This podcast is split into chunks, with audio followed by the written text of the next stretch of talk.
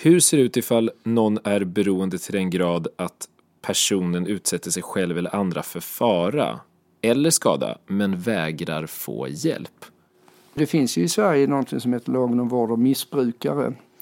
Och det går att använda sig av den men då ska man ha prövat alla frivilliga behandlingsstrategier först och då är det inte så mycket att man utsätter andra för fara utan det är att man super ihjäl sig eller knarkar ihjäl sig. Och då kan man bli omhändertagen i ett halvår ungefär på ett behandlingshem som är då ett LVM-hem. Tyvärr ser man ju att återfallsfrekvensen efteråt är väldigt hög.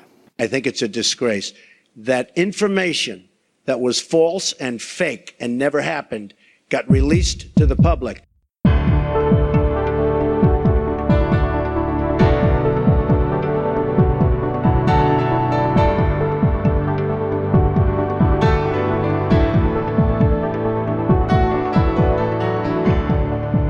Hej och välkommen till intervjuserien Tillika podden Sjuka fakta där jag, Simon Körösi, intervjuar några av vårt lands främsta experter på kroppen och hälsan för att reda ut om det vi hört eller tror oss veta är sant, falskt eller någonting mittemellan.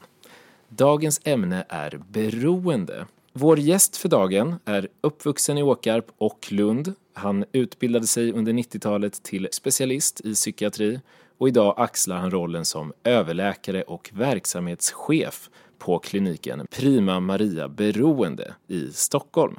Han är näst yngst i en syskonskara om fem barn och är niobarnsfar. Han är tidigare sommarpratare och vinterpratare. Han är författare till ett flertal uppmärksammade böcker. Han är samhällsdebattör och har en egen podd som heter Hälsa för ohälsosamma. Varmt välkommen till Sjuka fakta, David Everhard. Tack så mycket. Jag ska börja med en, med en möjligtvis kvasipsykologisk fråga som handlar om dig. Tror du att din uppväxt med många syskon har bidragit till att du har fått många barn? Det är en, det är en bra kvasipsykologisk fråga. Man kan säga så här, min mamma fick ju fem barn och hon var ensam barn. Och då sa hon alltid att anledningen till att hon fick så många barn var att hon själv var uppvuxen som ensam barn. Och jag kan ju svara då att anledningen till att jag har så många barn är bortsett från att det har att göra med att jag helt enkelt eh, träffat flera fruar och, och, och, insåg när jag träffade min nuvarande fru som jag har fem barn med att eh, jag har alltid tänkt att anledningen till att jag har många barn är för att jag är uppvuxen med många barn. Så att eh, svaret på frågan är att eh, nej, Förmodligen så är det nog någonting annat som gör det eftersom både min mamma som var ensam barn och jag som hade många syskon tycker samma sak. Mm. Och på tal om dina syskon så liksom du själv är tre av dina fyra syskon läkare. Till hur stor del tror du att detta är självvalt och till hur stor del har du och syskonen eventuellt blivit påverkade hemifrån? Jag har funderat rätt mycket på det där därför att eh, ingen i min familj, varken mamma eller pappa, ansåg att det var liksom nödvändigt att man skulle bli läkare. Det var inte så att de la fram det så att det är inte någonting som är planterat på det sättet. Så jag tror att eh, det kanske helt enkelt har med läggning att göra. Att äpplet faller inte så långt från äppelträdet eh, rent eh, genetiskt i viss mån. Men med det sagt så finns det ju också det här att man skulle kunna bli någonting annat. Alltså det, det är någonstans så att man blir det som ligger nära till hands. Och är man uppvuxen i Lund som jag, då blir man något akademiskt yrke. Och sen kan de akademiska yrkena vara av lite olika karaktär. Men inte så långt ifrån akademin om man säger så. Man kan sträcka sig längst till jurist ungefär. här, jag, jag, vet inte. Men, men, men, men eh, det, det, är väl tyvärr så att vi påverkas ju väldigt mycket. Dels påverkas vi genetiskt men vi påverkas också väldigt mycket av grupppsykologi snarare än mamma och pappa. Det vill säga hela settingen, hela miljön är väldigt eh, försnävande. Jag brukar ju säga det att vi tror att vi tycker och tänker saker för att vi är så himla intelligenta eller att vi blir saker för att vi är så intelligenta eller välinformerade. Men i själva verket så blir vi det vi blir och tycker det vi tycker därför att alla andra runt omkring oss tycker likadant som vi. Ja, var det, det ett svar på frågan? Det, det, var, det var absolut ett svar på frågan. Sedan två år tillbaka, eftersom att vi tog det innan vi satte igång inspelningen här, så är du verksamhetschef här på Prima Maria. Just det. Vad är Prima Maria för något? Det är en beroendeklinik. Eh, vi har akutmottagning, vi har slutenvård, heldygnsplatser. Vi har en LARO-mottagning för eh, metadon och så här opiatsubstitution. Vi har en vanlig öppenvård, vi har eh, en mottagning för unga vuxna upp till 25. Vi har en hälsomottagning för de som har lite lättare besvär och eh, ja, det är väl det vi har. Har jag glömt något? Vi har en körkortsmottagning också. Eh, så det är en stor, stor verksamhet. För den som inte är insatt, i Sverige så finns det i Stockholm specifikt en beroendeakut och det är nästan helt unikt för hela Europa och tar emot extremt många patienter med beroendeproblematik av alla dess slag. Och eh, det är också därför mycket av den kompetens som finns om beroende befinner sig i Stockholm.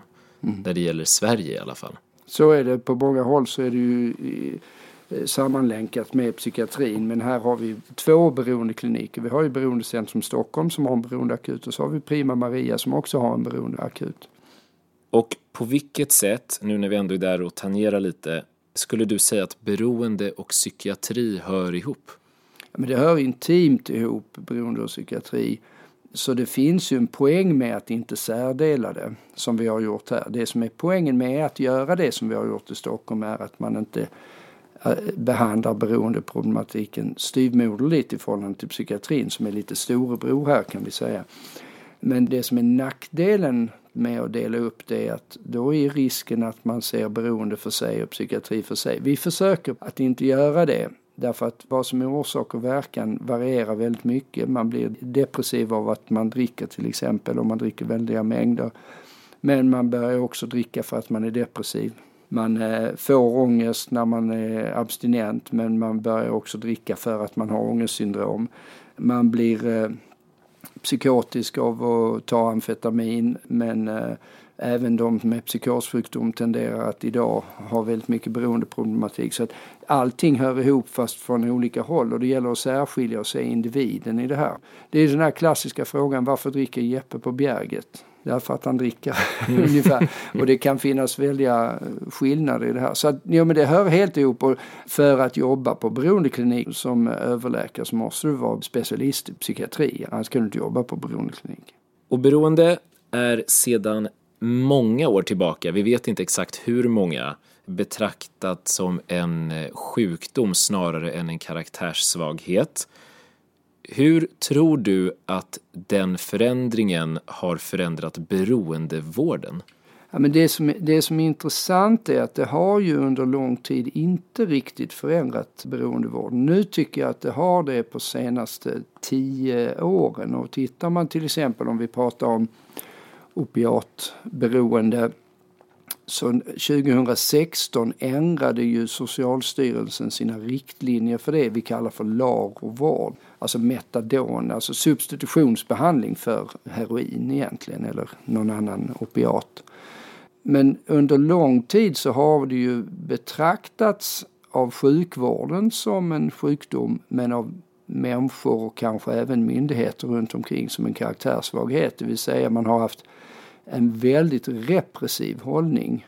Vilket ju är rimligt att ha så länge det är en karaktärssvaghet. Är det en sjukdom så är inte en repressiv hållning särskilt eh, framgångsrikt. Om vi säger Socialstyrelsen har då ändrat 2016 så man har en uttalad så kallad harm reduction strategi vad gäller opiatberoende. Alltså skadereducering eller skademinimering. Vilket innebär att i princip idag så kan du inte åka ut ur ett lagerprogram. Tidigare var det sån här repressiv hållning och det, det förekommer fortfarande på sina håll ganska rejäla repressioner, att man tycker att folk missköter sig och då ska de minsann inte få sitt metadon, även om det finns medicinskt motiverat att de skulle få det. Så jag vill säga att även om det är sjukdomsklassat så betraktas det av många som en karaktärssvaghet fortfarande. Och det finns ju olika typer av beroende. Hos många så för ordet tankarna till narkotika, alkohol och tobak och för andra till spel, kaffe och kanske kakor. Alla dessa typer av beroenden går ju absolut inte att skära över samma kam eh, varför tanken är att vi delar upp avsnittet lite för strukturens skull med risk för att framstå som analretendent. Vi kommer börja med definitionen av beroende. Vad händer i kroppen? Vilka drabbas och på vilket sätt? Slutligen så ser vi om vi kan bidra med några konkreta tips till lyssnaren som själv vill ha hjälp eller som känner någon som vill ha hjälp eller som bara är nyfiken. Men först, för ordningens skull, har vi några huvudföreställningar utplockade. 1.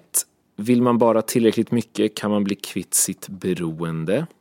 2. Den som testar heroin en gång blir fast i ett beroende. 3. Statligt samordnat sprututbyte och test av substanskvalitet ökar droganvändningen. 4. Det är lättare att bli beroende om man är lättpåverkad. 5. Sexberoende är oftast en ursäkt för otrohet. Och 6. Spelreklam gör fler spelberoende. Känner du igen någon av dessa föreställningar? Jo, ja. Tror nog jag har hört allihopa. Mm, de förekommer vitt och brett kanske, men det är bra. Då, då är vi inne på rätt spår för dagen. David, då börjar jag med vad är definitionen av ett beroende? Det är rätt svårt att säga vad som är ett beroende. Eh, egentligen är alla beroenden eh, mallade på alkoholberoende, vilket gör det intressant om man ska jämföra olika droger. Därför att man definierade vad som var ett alkoholberoende. Det är många år sedan nu, det är säkert 50 år sedan. Och där är det ju väldigt tydligt att man har en tolerans utveckling, det vill säga man måste öka dosen hela tiden. Man får kraftig abstinens när man slutar. Man eh, försöker sluta men klarar inte av det. Man eh, lägger ner väldigt mycket tid på det här. Och så kan man inte hantera när man får i sig det så dricker man mer än vad man hade tänkt sig eller tar mer än man hade tänkt sig. Det, det finns en del kriterier. Så det är väl traditionella definitionen på beroende. Det är en toleransutveckling och abstinenssymptom. Man återfaller hela tiden, man kan inte hantera det. Jag nämnde centralstimulantia som amfetamin och sånt där. Amfetaminberoende är ett av de vanligaste beroendena här. Men de har inte vissa av de här sakerna som då ska vara definierande för beroende på samma sätt. Och likadant är det ju så att de här, om vi tar spelberoende eller andra typer av beteenden, det har vissa likheter med det man säger som var ursprungligen beroendet avseende alkohol då. Men det är ju inte i alla avseenden likadant och vissa delar av de här, det var någon av de här punkterna du tog upp här, så kan man ju säga att jag personligen är av uppfattningen att vissa delar vad gäller spelberoende eller sexberoende eller andra saker kanske mer är av ett tvång än ett beroende. Alltså tvångssyndrom är en annan typ av psykiatriskt tillstånd. De kan inte sluta. Men frågan är, blir det någon tolerans? Måste de öka hela tiden eller är det samma? Cannabis är ju uppenbart att väldigt många har väldigt svårt att sluta med men det, det är inte heller att de ökar dosen särskilt mycket. Alltså det finns ju olikheter mellan både olika substanser och de här andra beteendena som inte är helt du, du kan inte lägga kalkerpapper på det här riktigt utan det ser lite olika ut där. Många av de här andra sakerna som inte är opiater och alkohol, där brukar man prata om någonting man kallar det för eh, narkogent beroende, när det kommer till substanser i alla fall. Alltså det handlar inte om den här kroppsliga toleransen utan det handlar om någon form av psykisk eh, tillvänjning som är diffusare. Men min poäng är att man pratar väldigt ofta om det här som att det här är någonting vi alla vet vad det är. Dels människor i gemen men även vi i beroendevården är ju inte alltid helt på det klara med vad det är vi håller på med. Ja, alltså vad vi håller på med förhoppningsvis men att definitionsmässigt så är det ju vagare. Man pratar ju om en beroendehjärna och då kan man ju få in alla de här grejerna. Men det är fortfarande någon modell för hur vi får kickar via signalsubstanser i hjärnan som ger de här effekterna. Med en sån här beroendehjärna, finns det också då en typisk beroendepersonlighet? Ja, det, det, kan man nog eh, säga att eh, just det som jag sa, de här som behöver kickar, det är ju också ett eh, trait, en egenskap, att man har någon form av behov av eh, sensation där det ju är eh, lättare att hamna i det. Samtidigt som jag pratade om tidigare så man skulle ju kunna säga de här som har generaliserat ångestsyndrom till exempel som är så långt ifrån den här kicksökaren som du kan komma. De har ju också i så fall någon form av beroendepersonlighet eftersom de självmedicinerar med alkohol och då blir det en beroendepersonlighet. Så egentligen skulle jag vilja säga att varför man drogar eller nyttjar alkohol eller någon annan form av beroendeproblematik kan ju variera oerhört mycket. Och det varierar också lite, det, det ser vi också på våra patienter att vissa gillar ju vissa typer av droger eh, slash alkohol och andra. Nej, det där är ingenting för mig. Sen. Om vi tar de här som tar amfetamin till exempel. En stor andel av dem har ju en ADHD i grunden. Framförallt de som är lite äldre och aldrig blivit utredda. Och då kan man ju säga att ja, det är en beroende personlighet för amfetamin därför att de självmedicinerar hela livet med det här. Så att den frågan är lite för enkel egentligen, så att det finns en beroende personlighet. Det finns vissa egenskaper som gör att man lättare hamnar i det här. Mm. Jag ska återknyta lite snabbt bara till det här med repressiv respons och karaktärssvaghet. För det finns de som anser att det är frivilligt att missbruka beroendeframkallande substanser och att man av den anledningen får skylla sig själv om man sen fastnar i den typen av substansbruk. Har du någon replik på det? Ja, flera repliker skulle jag säga. Den ena är ju då att, och det är alltid svårt när man pratar beroende för att man pratar om alla beteenden och alla substanser på samma gång. För det första är det ju så att om vi tittar på alkohol och opiater som är de här som har kraftigast, ska vi säga, kroppsligt eh, beroende så är det ju alldeles uppenbart att där finns det ju personer som har det, precis som jag sa, att man kan slå vad i förväg att de här kommer fastna i det här. Och blir du utsatt för det här, som alkohol kommer ju de flesta av oss, åtminstone i västlandet, att bli utsatta för. Och då, då har du rätt taskig chans därför att man blir utsatt för det när man är under 18 år ofta och eh, har du den typen av läggning så kommer du fastna i det här. Har man träffat personer som har ett gravt alkoholberoende så tror jag inte att man har den inställningen frivilligt missbrukare därför att sådana liv som de här personerna har sådana slavar de är under alkoholen. Det är ingen som väljer det frivilligt. Alltså. Då har man nog inte så stor kännedom om, om vilken impact de här substanserna kan ha på människor. Och det är också därför man har klassificerat det som sjukdomstillstånd eftersom det har en extrem impact. Sen ska man ha ett eget ansvar också naturligtvis. Men eh, äh, jag vet inte om det var ett bra svar. Jo då, och, och med det kommer också en, en fortsättningsfråga. För egentligen i samma korridor kan man väl ändå säga så finns det de som menar att om man bara vill tillräckligt mycket så kan man bli kvitt sitt beroende som då på något sätt också skulle eh, hänvisa till det här mm. karaktärsfokuserade. Mm. Och, och det, det, är lite intressant för det finns ju en klar psykosocial koppling till beroende. Eh, det är ju väldigt uppenbart att det är väldigt mycket svårare att bli av med vissa typer av beroenden för personer som eh, har annan problematik, alltså annan psykiatrisk problematik. Också kanske en psykosocialt svårartad situation som kanske har en historia av eh, trauma på olika sätt. De fastnar. Det är så här man har de här som tar kokain på Stureplan. Ja, det är väldigt många av dem som inte fastnar i kokain. De tycker att det är lite partydrog, det är bra. Men sen så är det någon som fastnar och det brukar slår fel, det gör det. Men, men det är en väldigt mycket högre risk för de som har annan psykiatrisk eller psykosocial påfrestning. Och då kan man ju då säga, ja de vill nog bli av med sitt beroende men frågan är om de har den förmågan att bli av med beroendet av andra skäl än bara den här drogen. Sen är det en intressant fråga, för om vi tittar på tobak till exempel så brukar man säga att det är så enormt beroendeframkallande. Det är en sån här sak man har sagt. Men man bör ju beakta att rökning, i alla fall fram tills nyligen, var ju socialt accepterat. Och det är klart att då vill man inte heller riktigt lika mycket. Eller, och, och framförallt om man inte vet om att det är otroligt mycket mindre farligt att snusa än att röka, vilket ju myndigheter i Sverige inte informerar medborgarna om eftersom vi har en tobakslag som säger att man inte får informera dem om att, om, om, som Anders Milton brukar säga före detta eh, ordförande i Läkarförbundet, att om rökning är två meter farligt så är snus fem centimeter farligt. Men om man inte informerar folk om det, varför ska du sluta röka då?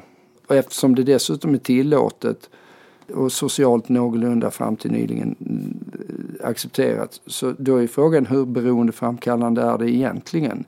För det är alldeles uppenbart att de flesta som röker faktiskt över tid lyckas sluta röka. Men det tar rätt lång tid innan man gör det. Jag vet inte vart jag ville komma med det men, men eh, det handlar ju om vilja. Alltså jag vill, jag vill inte bortse från att det naturligtvis handlar om vilja. Det ser man ju också. Eh, en väldigt framgångsrik behandlingsmetod mot alkoholberoende som ju ändå är ett ovedersägligen svårt tillstånd att bli av med är ju det som kallas för Minnesota-modellen eller tolvstegsprogrammet där man ersätter beroendet med någon form av, det behöver inte vara religiöst, men det är väldigt religiöst präglat hela det här programmet och det kan man ju då tycka, det är ju märkligt, men när man blir nästan upptagen i någon högre mening på något sätt så vill man också sluta och kan sluta. Så att man kan inte bortse från den egna viljan i det här, det tycker jag inte. Men därmed är det lite för endimensionellt att bara säga att ja men det är bara att vilja. För så enkelt är det inte heller. Innan vi lämnar de stora penseldragen här kring beroende så brukar ju missbruk också belysas i samma kontext. Kan man med några få ord eh, förklara hur distinktionen ser ut mellan beroende och missbruk? Missbruk är ju en snällare diagnos. Nu gjorde jag sån här bra radio igen och satte citationstecken i luften. Eh, men, men med snällare diagnoser vid att det är inte att du behöver ha en toleransutveckling och abstinens och så här, men det är att ditt bruk av den här substansen leder till sociala konsekvenser som är ogynnsamma på väldigt många sätt och du kanske vet om att det har de här ogynnsamma konsekvenserna men du fortsätter i alla fall och du har ett ihållande bruk av en substans som är eh, destruktivt på olika sätt. Du hamnar i bråk socialt, du hamnar i bråk med lagen, du beter dig på ett sätt som inte ja, gynnar dig eller din omgivning. Då är det ett missbruk men det behöver inte vara ett beroende. Ofta är det ju både och man har. Men det är också så att om vi säger utifrån de här riktlinjerna så kan du ju ha ett klart eh, beroende av en substans utan att för den skulle ha hamnat i klammeri med rättvisan eller eh, socialt utslagen eller så. Då har du bara ett beroende och inget missbruk.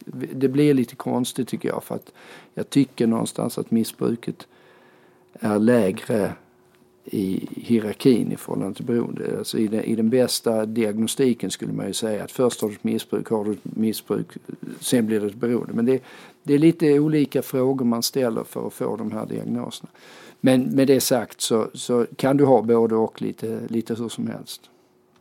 Det är en eh, enastående cue till det vi ska ta oss an nu. För vi ska fokusera några minuter på substansberoende och vi tar lite avstamp i det här som du nämnde med klanderfri tillvaro under möjligtvis pågående beroende. Då min första fråga på det här är från en lyssnare som heter Gabriel Johansson som undrar hur länge kan man leva ett inom citationstecken normalt liv med ett drogmissbruk om man har råd? Oh, det är en väldigt spännande fråga eh, och det beror helt på vilken eh, substans det rör sig om om du har rent heroin och eh, ja, har mycket pengar och får det, då kan man säga att det kan du förmodligen leva ett helt liv. Det har ingen inverkan på hjärnan direkt och det har ingen inverkan på kroppen direkt. Förutom om du injicerar det så kan det ju ha en massa effekter. Men opiater överlag kan man säga att ja, det kan du nog leva ganska länge under förutsättning att du bara får tillgång. Du kommer höja dosen hela tiden och du riskerar när du slutar och sen återfaller och dör en överdos. Men, men, men bortsett från det stora problemet med opiater överlag är beroendepotentialen som sådan, inte effekten på kroppen eller eh, psyket. När det kommer till amfetamin till exempel så har det ju i åtminstone höga doser som det alltid handlar om här, gramdoser eller sammantaget gram, det har ju i princip hundraprocentigt så får alla psykos. Så att amfetamin, om man tar det i de doser som gatuamfetamin när folk är ute. Ja, dels kommer det påverka ditt psyke att du kommer att bli psykotisk. Du kommer att ha alla, i princip alla som uh, håller på med amfetamin under längre tid har snutnoja. Vilket är lite intressant att det alltid är snutnoja. Det är också därför att det är, ligger någonting i det. Men det, blir, det eskalerar totalt. Dessutom så, eh, jag kan säga när, vi, när jag var chef på psykakuten, jag jobbade ju 13 år på psykakuten på Sankt Göran och då hade vi en kamera i, väntrummet. Eh, folk fick ringa på. Och det var, vi kan säga så här, det var ganska lätt att på kameran se om någon hade ett amfetaminberoende.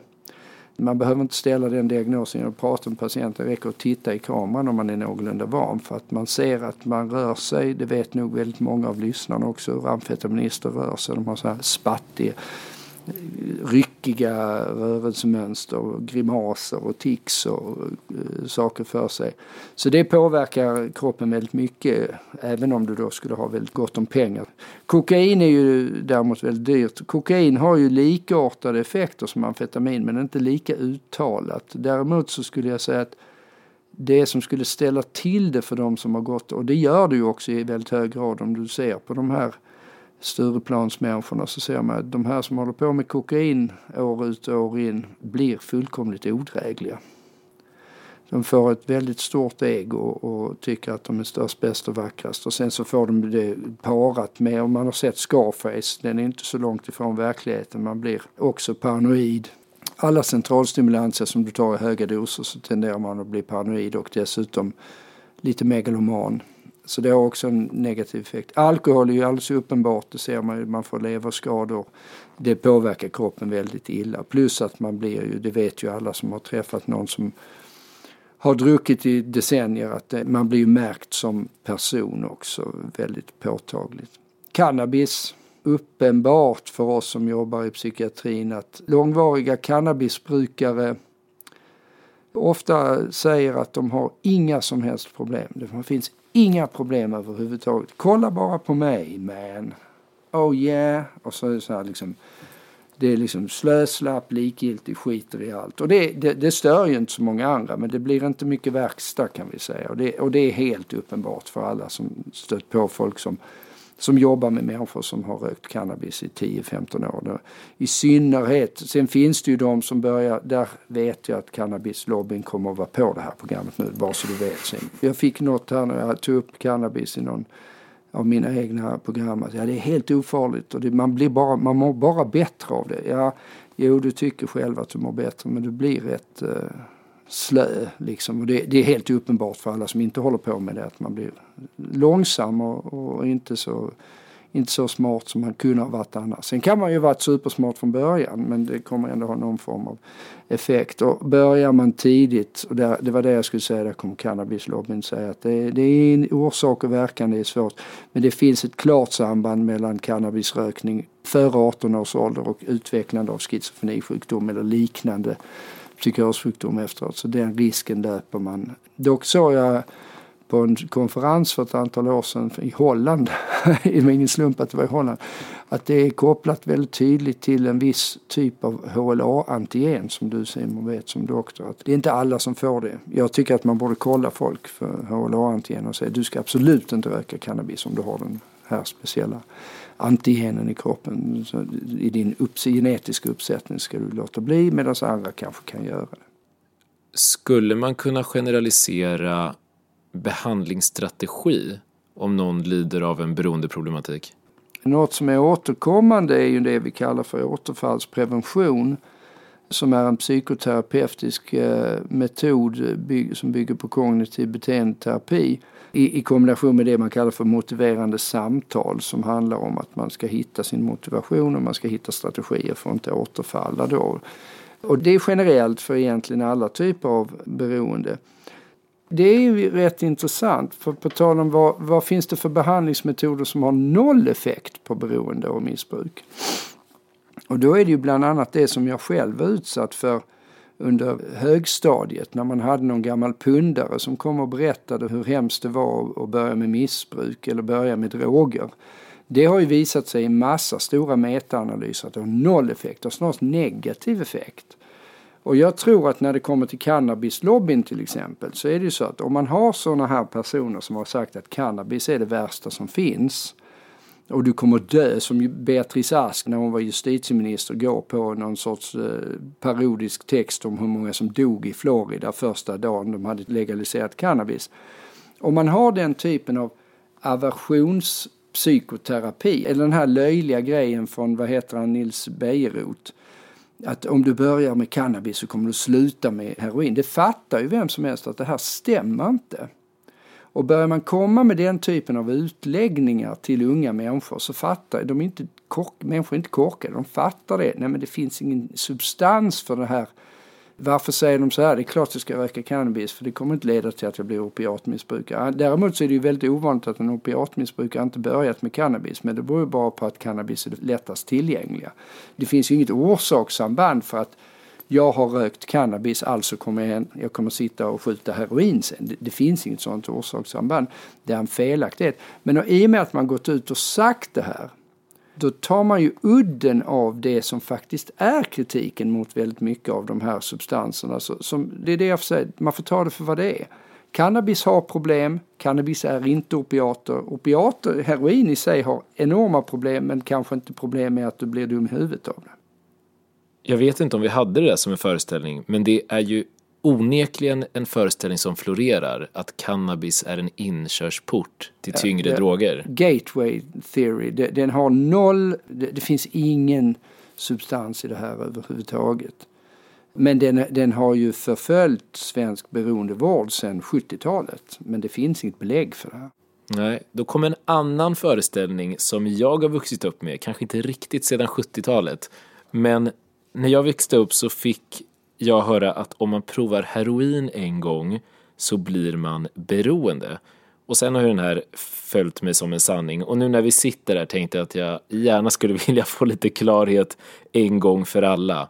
Stämmer den föreställningen? Nej, det stämmer inte. Sen är det väl snarare så att om du är så att du faktiskt sitter där och skjuter heroin, då är du rätt långt gången i din Eh, beroendepotential kan vi säga. Men att du en gång skulle bli beroende bara per se. Det, det, här är en opiat. Det som skiljer heroin från morfin är bara att det är tio gånger så starkt. Men då tar du en tiondel dos också. Så tar du 10 milligram eh, morfin, om vi hittar på det, så tar du 1 milligram heroin. Det är samma sak du gör. Sen är det klart att får du världens kick och det spelar ingen roll om det är heroin eller något annat. Du kommer tänka det här var en rätt skön känsla. Den vill jag ha en gång till. Och då är risken mycket större om du har ett skitliv. Men att det skulle vara per se så, nej. Finns det någonting som har en sån beroendepotential? Alltså det jag fick lära mig en gång i tiden, jag är skeptisk till det också, det är ju snarare kokain i så fall. Men det är ju helt uppenbart, det vet ju väldigt många människor som har tagit kokain, att de flesta inte fastnar i det. Utan det är just en, en viss grupp som, som fastnar. Så att jag skulle säga, för den enskilde personen, om du får en superkick av någonting och har väldigt svårt, att du kanske inte blir beroende direkt men du tänker det här vill jag göra igen. Och har du då ganska dålig impulskontroll, ja då kan du absolut, men då kan du fastna i vad som helst som du tyckte var helt fantastiskt. För det här för direkt tankarna till nästa fråga. För vad är det som händer i kroppen? Är det den här eh, sköna känslan, det här vill jag göra igen? Är det det som gör att man sen fastnar? Om vi säger att du fastnar första gången så är det ju uppenbarligen det. Det är ju ingen som fastnar bara för att du har blivit opererad och så får du morfin på uppvaket. Utan det är ju om du känner att det här var ju helt fantastiskt. Så, så det är ju inte ett kroppsligt beroende som vi pratade om inledningsvis som det är huvudsakligen vid opiater och alkohol utan det är ju i så fall det narkogena beroendet att man tänker att det här var ju helt fantastiskt. Mitt liv föll på plats när jag fick känna den här sköna känslan. Eller kokain, jag är störst, bäst och vackrast. Och så fastnar man i det därför.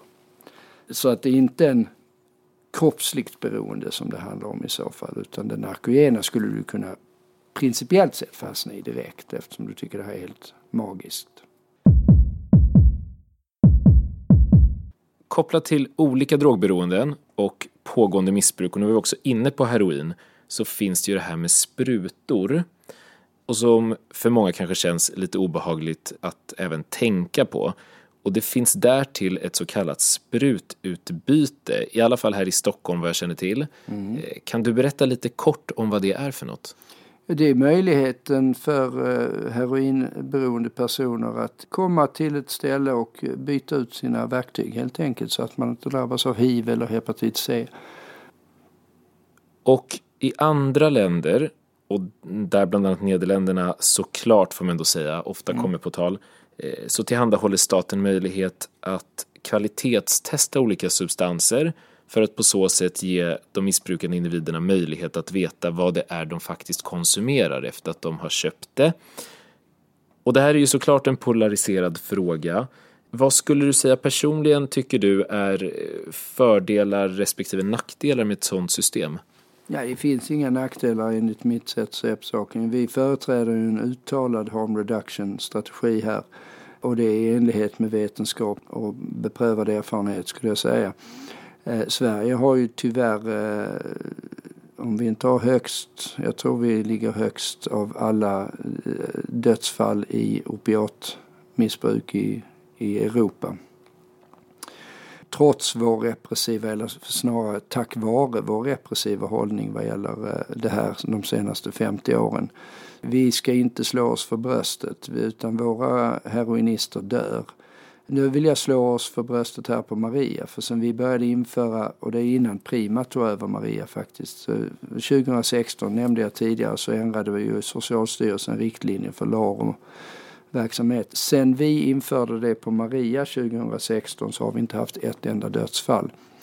Så jag tycker att statistiken talar sitt tydliga språk. Och det är ju inte sprututbyte men det är samma sak man gör. Det var ett oerhört motstånd politiskt mot sprututbyte vilket jag tror har att göra med den här föreställningen att det här skulle då öka eh, heroinanvändandet bland eh, folk. Men det är inte det det här handlar om. Det handlar om att rädda livet på de som redan är heroinberoende.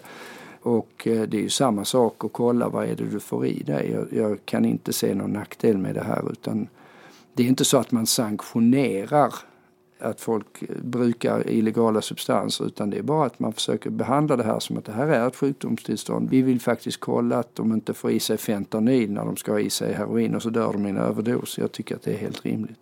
Testar man substans i Sverige? På det sätt som man gör i Holland, inte mig vetligen. Jag tycker de borde göra det. Och det vill de säkert göra själva också, men jag, jag är osäker. Jag tror inte de gör det. För att knyta ihop säcken då kring den föreställningen som också är en av våra huvudföreställningar idag, att sprututbyte och test av substanskvalitet ökar användningen i befolkningen. Nej, det finns inget belägg för en sådan eh, uppfattning överhuvudtaget. Det finns däremot ett jättestarkt belägg för att det minskar dödligheten. Snyggt. Alkohol är en väldigt vanligt missbrukad substans som orsakar stor beroendeproblematik i Sverige och jag tänker att jag ska rada upp några snabba påståenden som du får svara sant, falskt eller halvfabrikat på. Kortare utläggning är såklart okej för förtydligande och förståelsens skull. Det är ingen fara att dricka alkohol så länge jag inte dricker ensam. Det är falskt. Det är ingen fara att dricka alkohol så länge jag klarar en vit månad. Ja, det är inte helt sant i alla fall. Det är klart att det är bättre om man klarar en vit månad än om man inte gör det. Men, men du kan ha ett allvarligt alkoholproblem i alla fall. Efter den vita månaden. Eller framförallt innan kanske. Mm, framförallt innan kanske. Det är ingen fara att dricka alkohol så länge jag inte tar en återställare. Nej, det är inte heller eh, sant. Eh, jag menar, det är klart att det är värre att ta återställare. Men vi har ju många som dricker eh, varje dag men de tar inte en officiell återställare. Dricker du en 75 starksprit varje dag även om du inte tar återställare utan du börjar nästa dag så kommer du att sen få jätteproblem när du ska sluta och du kommer få en jättepåverkan på din kropp. Det är ingen fara att dricka alkohol så länge jag är medveten om att jag dricker för mycket. Det låter ju helt befängt. Det är ju jätte, jättefånigt påstående. Då kan jag hålla på och dricka i tre år. Jag är helt medveten om att jag dricker alldeles för mycket. Så det är helt ofarligt. Då, måste du nästa, då är det stora problemet med det om du har den föreställningen att du är dum i huvudet. Det, jag kan varken bekräfta eller dementera. Eh, det är lättare att bli beroende om man är lättpåverkad. Nej, skulle jag säga. Eh, det är det inte. Men det är klart att man kan se eh, redan tidigt i tonåren personer lättpåverkade är väl fel då, men de här som blir väldigt, de tycker att de blir väldigt eh, ball. Har nog kanske, det är svårt att säga, jag tror inte det finns någon riktig studie på det, i alla fall ingen jag känner till. Som, på samma sätt som jag var inne på det här med om du får världens kick liksom av, av den här och, och det här, och här föll alla bitar på plats, ja då skulle man möjligen kunna säga det. Men annars snarare tvärtom, de som är väldigt lättpåverkade tenderar ju åtminstone i ska vi säga det, lite eh, vad heter det, anekdotisk bevisföring men de tenderar ju att undvika alkohol. Det, det är fel i alla fall generellt sett. Med olika beroenden kommer ju också abstinens och en vanlig devis är att den enda farliga abstinensen är från alkohol och inte från de tyngre drogerna. Är det sant? Ja, väsentligen sant skulle jag säga. Den absolut farligaste abstinens du kan få är från alkohol. Och bensodiazepiner som är väldigt likt, det kallas för torrsprit, alltså som har ångestdämpare. Men, men alkohol absolut och eh, bensodiazepiner. Sen kan man väl säga att de andra har ju väldigt mycket mindre uttalade fysiska abstinenssymptom och därmed är ofarliga. Men de kan ju vara nog så besvärliga. Och vilken hjälp för den som skulle eh, lida av ett beroende finns det att få? Och det, då pratar vi inte bara om Stockholm såklart, utan runt om i landet. Ja, alltså det är ju, det är ju olika. Jag kan inte all eh, verksamhet utanför Stockholm. Men jag menar beroendemottagningar, och det är ju inte bara för de som är parkbänksmässiga eller som lever hemlösa under broar. Det är inte de utan unga människor som kanske röker cannabis. Nu är ju problemet med dem att de brukar inte tycka att det är något problem. Men eh, lyssnare, det är ett problem även om ni inte tror det. Det är kanske inte det värsta problemet men det är bättre att bli av med skit som man håller på med som man inte behöver hålla på med. Där kan man också få hjälp men det ser lite olika ut så att det varierar eh, beroende på om man har beroendemottagning eller om man då går via psykiatrin. All psykiatri där man inte har delat upp det i olika kliniker har ju också beroendemottagningar inom ramen för psykiatrin. Så att det är ju antingen så vänder man sig till psykiatrin eller till beroendevård om det finns på det stället man bor. Nu kommer vi in på några utvalda beroenden som inte beror på substanser men som många människor lider av med missbruk som följd. Vi ska för en kort stund tala om spelberoende, sexberoende och träningsberoende. Hur stora är dessa problem? Förmodligen är i alla fall vissa av dem betydligt större än vad vi ser här. Sen tycker jag spelberoende är lite intressant för det enda som då omfattas av sjukvården är ju spelberoende om pengar. Men det vi ser och det ser man ju framförallt i psykiatrin och inte i beroendevården. Det är ju spelberoende som inte handlar om pengar. Som jag sett till antal utövare av det så är det ju ett större bekymmer. Om du väl sitter och spelar bort hela hus och hem och har miljonskulder det är det ju ett större bekymmer för den enskilde individen kanske än att sitta och spela Fortnite eller World of Warcraft 12 timmar om dagen. Men det är fortfarande väldigt många människor som har någon form av spelberoende som inte handlar om pengar som är ett gigantiskt problem. Hur kan man identifiera någon i sin närhet som eventuellt lider av det här? Man kan säga att det är ju alldeles uppenbart om du lider av spelberoende som inte handlar om pengar. För då sitter du vid datorn hela ditt vakna dygn. Så det är ju ganska lätt att identifiera. Men sen är det väl ganska lätt att identifiera också därför att du kommer att ha en jävligt taskig ekonomi. Du kommer luras och du kommer låna pengar av folk. Du kommer inte betala tillbaka det etc. Så att förr eller senare så märks ju det här. Sen är det ju alltid så att alla beroenden är ju lite dolda i början tills det börjar eskalera och bli helt ohanterbart. Det är ju när det blir ohanterbart som man söker hjälp i allmänhet också det är ju nästan till filosofisk fråga, men hur kan man själv veta om man riskerar att hamna i ett sånt beroende? Ja, men det är väl klart att om man någonstans upptäcker att man inte kan sluta, även om det är, alltså, jag ska bara vinna tillbaka de här pengarna, då är du ju i riskzonen skulle jag säga. För om du på något sätt tappar koncepterna i en sådan situation. Det, det är svårt, det är som du säger, det är lite filosofisk fråga, men, men någonstans tror jag att de flesta i bakhuvudet har, eh, fattar det här långt innan de söker hjälp. Om de överhuvudtaget söker hjälp. Ja, och för att fokusera kring spel här, för vi har ju också en stor föreställning för dagen som berör just detta. Fram till 2019 hade Svenska Spel monopol på kasinoverksamhet i Sverige. Finns det någon forskning på förekomsten av spelberoende i en reglerad respektive avreglerad marknad?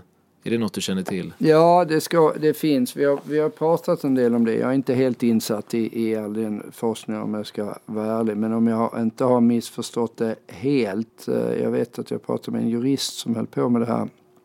Som hävdade då för spelbolagens räkning att de som fastnar i alkohol fastnar, ja det är klart att finns det ingen alkohol alls så kommer du inte bli alkoholberoende. Men om det finns alkohol så är det en viss procent som kommer hamna i det här alldeles oavsett eh, om det här är reglerat eller inte. Och det är sannolikt likadant med spelberoende skulle jag säga. Det jag har sett, med reservation att jag inte sett all forskning på det här.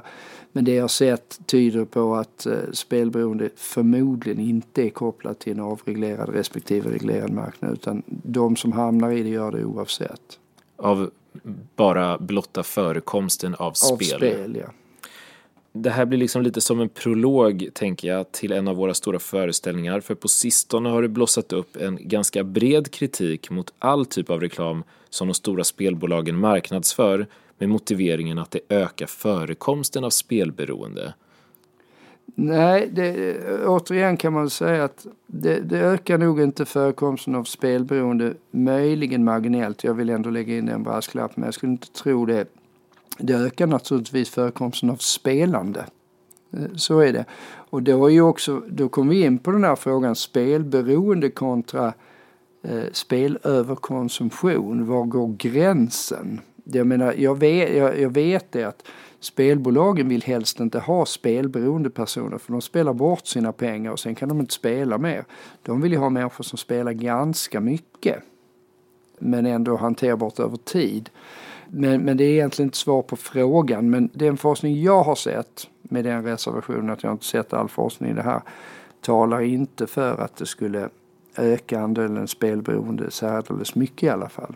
Nej, jag ska inte vara djävulens advokat, men jag tänker högt där att om det skulle öka andelen spelande så är risken, så är risken ändå att om det är samma procentuella andel av spelande att det, det, det, det, är därför jag säger att jag, ja, jag är lite, lite vag i, i svaret här. Att det, det är på sikt kanske ja. att det skulle kunna ha en viss, eh, en viss negativ effekt där. Men, men eh, mm.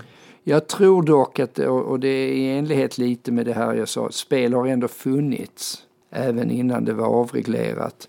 Och de som hamnar i, på motsvarande sätt som jag var inne på med alkohol, finns det alkohol att tillgå så kommer du hitta ett visst antal som kommer hamna och bli alkoholberoende. På samma sätt så tror jag den gruppen redan är spelberoende om du förstår vad jag menar. Så jag är skeptisk till det men jag har inget rakt svar på det. Nej. Vi lämnar det lite öppet. En annan av dagens stora föreställningar har i media lyfts av offentliga personer för att ibland ursäkta ett impopulärt och av många ansett lite lätt omoraliskt beteende, otrohet. Man blir påkommen och hänvisar, ibland i alla fall enligt kvällspressarna, till ett sexberoende och sexmissbruk för att ursäkta sig. Är det oftast bara en dålig ursäkt eller finns det en sanning i det här med sexmissbruk och sexberoende? Oj. Eh, det är nog ofta en dålig ursäkt. Eh, det, det, vill jag nog säga. Därmed inte sagt att det inte finns sexberoende eller något slags patologiskt bekräftelsebehov. Det här sätter någonstans filosofiskt fingret på vad är ett beroende? Återigen, därför att man pratar ju sex och kärleksberoende, alltså det vill säga någonstans bekräftelsebehovet. Och är detta då patologiskt eller är det en normalvariant? Det är ju egentligen normalfördelat det här som väldigt många psykiatriska tillstånd och egenskaper i allmänhet. Det vill säga var sätter du cut-off-linjen mellan friskt och sjukt? Så egentligen är ju frågan är det behandlingsbart eller inte? För är det inte behandlingsbart så är det ju irrelevant. Och om det här är ett karaktärsfel eller om det är någon form av patologi jag vet inte vad jag ska svara. Nej, jag eh, huruvida de är karaktärslösa sluskar eller huruvida de har ett sexberoende, det låter jag vara osagt. Vi kan vända på det och säga så här. Någon människa ligger runt på ett sätt som då uppfattas som omoraliskt men vill göra någonting åt saken, ja då kan man ju försöka få hjälp och det finns behandlingsmetoder. Hur eh, effekten är ska jag låta vara osagt men för många hjälper det. Då är det bra tycker jag att man försöker komma till rätta med ett sådant beteende. Huruvida det sen ska klassificeras som ett beroende eller inte, det tycker jag är mer en filosofisk fråga. Vill man ha hjälp med någonting som ställer till det för sig själv och för andra, då är det ett problem som man finns anledning att man ska försöka få hjälp för. Mycket vagt politikersvar. Ja, snyggt, exakt. Snyggt politikersvar. Men vi, vi lämnar det där så får man eh, fundera fritt eh, hemma på kammaren kring den här frågan framgent. Träningsberoende om vi hoppar till det, har kanske förekommit under lång tid men är något som framförallt uppmärksammats de senaste åren i och med att trenden mot mer rörelse har tagit stora delar av västvärlden med storm. Lite knepigt tänker jag här, för vi har i ett samtal tidigare med Carl Johan Sundberg om träning kommit fram till att det inte bara är bra utan verkligen nödvändigt att man tränar på veckobasis och gärna daglig basis men vi pratade aldrig om något maximum tidsmässigt. Och då undrar jag, på tal om det, vad är skillnaden mellan en fysiskt aktiv person och någon som är träningsberoende? Alltså alla beteenden som är skadliga men som man fortsätter med ändå är ju problematiska. Så jag skulle säga att om du börjar träna så att det skadar eh, kroppen eller skadar relationer, då har du ju ett problematiskt beteende. Sen vill jag inte sträcka mig så långt som att säga att det är ett beroende, men, men det är klart att det tangerar ju det här med anabola steroider som folk Eh, använder och något vi ska försöka behandla folk som har doping och så här. Alltså egentligen människan är ju, rör, den är ju skapt för att röra på sig så att det är ju klart att det är svårt att säga att det skulle vara oerhört skadligt. Men folk dör ju som håller på med långdistanslöpning och Vasalopp och så här. De får hjärtmuskelförstoring och de sabbar sina knän och de, de får ju negativa effekter av det här och det kan man ju inte bortse från tycker jag helt och hållet. Men det är väl klart att de flesta av oss rör oss snarast för lite så därmed blir det ju kanske hypotetiskt. Men det finns en grupp personer som sannolikt tränar lite för mycket. Det finns ett tillstånd som kallas för ortorexi som också är kopplat till eh, kost och hur man ska leva. Där är det ju återigen frågan är om det är beroende eller om det är något tvångsbeteende som det handlar om. Men eh, på det hela taget så är det ju, det ska väldigt mycket till för att vi i dagens stillasittande samhälle ska röra oss för mycket. Sen finns det de som gör det, absolut. Vad gör man då om man har en anhörig eller en närstående som ägnar extremt stor del av sin vakna tid till att träna? Har du någon tanke på vad man kan göra för att få personen att träna mindre? Och anledningen till att jag frågar är för att man, till skillnad från andra typer av beroenden som vi har tangerat och diskuterat idag, kanske inte vill att man ska sluta röra på sig helt heller, medan andra handlar om att man ska avstå helt i vissa avseenden. Ja, jag förstår frågan här därför att det är inte frågan om att klippa helt utan att få ner det till en mer vettig nivå. Jag jobbar ju som eh, överläkare på ätstörningsenhet i början av min specialistkarriär. Vi hade ju de här som höll på att tjuvmotionera hela tiden men det var ju där är det så, de ska ju inte röra sig alls. Att, för där var det ju egentligen frågan om att de ville gå ner i vikt. Så de kunde ju ligga och göra sit-ups eh, liksom i sängen om man la dem i... Du får inte lämna sängen så de gjorde sit-ups 24 timmar om dygnet. Liksom. Men då måste de ju sluta helt. Så jag skulle säga för att det här ska vara ett bekymmer, det ska vara på den nivån att det är faktiskt klipp det här helt. Det går inte, det här kommer inte funka. I alla fall under en period tills man fått ordning på det hela. Däremot de här som rör sig väldigt mycket som man kan prata med, då kan man säga men då är det ju å andra sidan ett, ett beroende. Man kan säga att det kanske inte är helt nyttigt att åka motsvarande ett Vasalopp i veckan. Utan då får man väl ha en diskussion med dem. Vi lämnar dessa olika beteenden, beroenden eller ej och blickar lite framåt.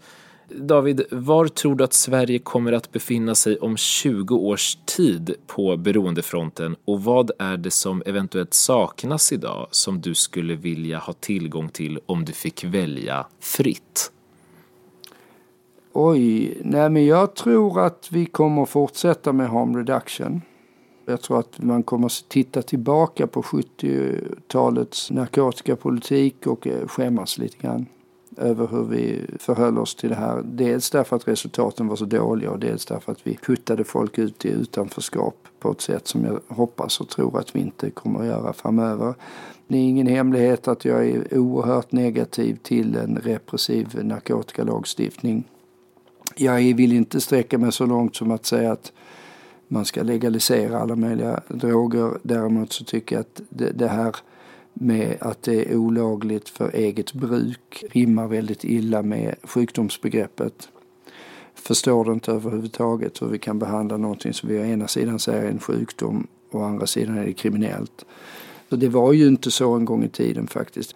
Förr var det ju olagligt att handla med narkotika men inte för eget bruk. Det är det första steget till en normalisering av det här, att man tar bort den lagstiftningen. Nu, tyvärr så tror jag inte det kommer ske närmaste åren men kanske på 20 års tid så kommer vi ha nått dit. Så att eh, det är väl på det politiska där som jag hoppas och tror att vi kommer att ha lite sundare inställning till det här. Sen är det möjligt, jag tror vad vi än gör inom beroendevård och vad vi än säger så kommer nog cannabis bli legalt i hela Europa. Det är jag helt övertygad om. Huruvida det är bra eller dåligt ska jag låta vara osagt. Jag tror inte det kommer ha någon jättestor impact på bruket. Det är så vitt förekommande redan idag så att jag tror inte det har någon betydelse. Kanske lättare att komma till rätta med om det är legalt trots allt. Avsnittet närmar sig skymning och det börjar bli dags att se om vi har fått svar på några av dagens stora föreställningar. Vill man bara tillräckligt mycket kan man bli kvitt sitt beroende. Ja, det är ju påtagligt mycket lättare att bli av med sitt beroende om man verkligen vill bli av med. Man kan vända på frågan och säga, vill du inte bli av med ditt beroende kommer du inte bli av med det. Den som testar heroin en gång blir fast i ett beroende. Nej, med största sannolikhet inte. Men det är, låt bli ändå, det är inte värt det. ändå. Det där var ett jävligt vagt svar. Nej, men det är ingenting i själva substansen. Utan det, ja. Nej, det är bra. Statligt samordnat sprututbyte och test av substanskvalitet ökar användningen. Nej. Det är lättare att bli beroende om man är lättpåverkad. Ja, men det har vi ju svarat på. Det är det ju inte riktigt. Sexberoende är oftast en ursäkt för otrohet. Ja, jag, jag vill ändå inte sträcka mig till att säga det. Det, det är väldigt hårt. Sen, sen, tror jag att det finns de som använder det om jag ska vara helt ärlig. Det är ett väldigt lätt sätt att slippa undan också. Men att det finns de som har den typen av bekräftelsebehov med kärlek och sex och där det är patologiskt så att de inte riktigt klarar av det. Det tror jag absolut man kan säga. Spelreklam gör fler spelberoende. Mycket tveksamt till det. David, har du något annat du skulle vilja lägga till som vi inte har gått igenom som du skulle vilja skicka med lyssnarna? Oj, massor, men det är inte, inte så mycket om beroende. Jag tror vi har tömt ut det. Eh, David, stort, stort tack för din kompetens och tid och för att du ville hjälpa mig och lyssnarna att få ett bättre grepp om beroende som företeelse, samhällsfråga och vilken hjälp som finns att få. Tack så mycket för idag. Tack för att jag fick vara med. Det var väldigt trevligt. Tack.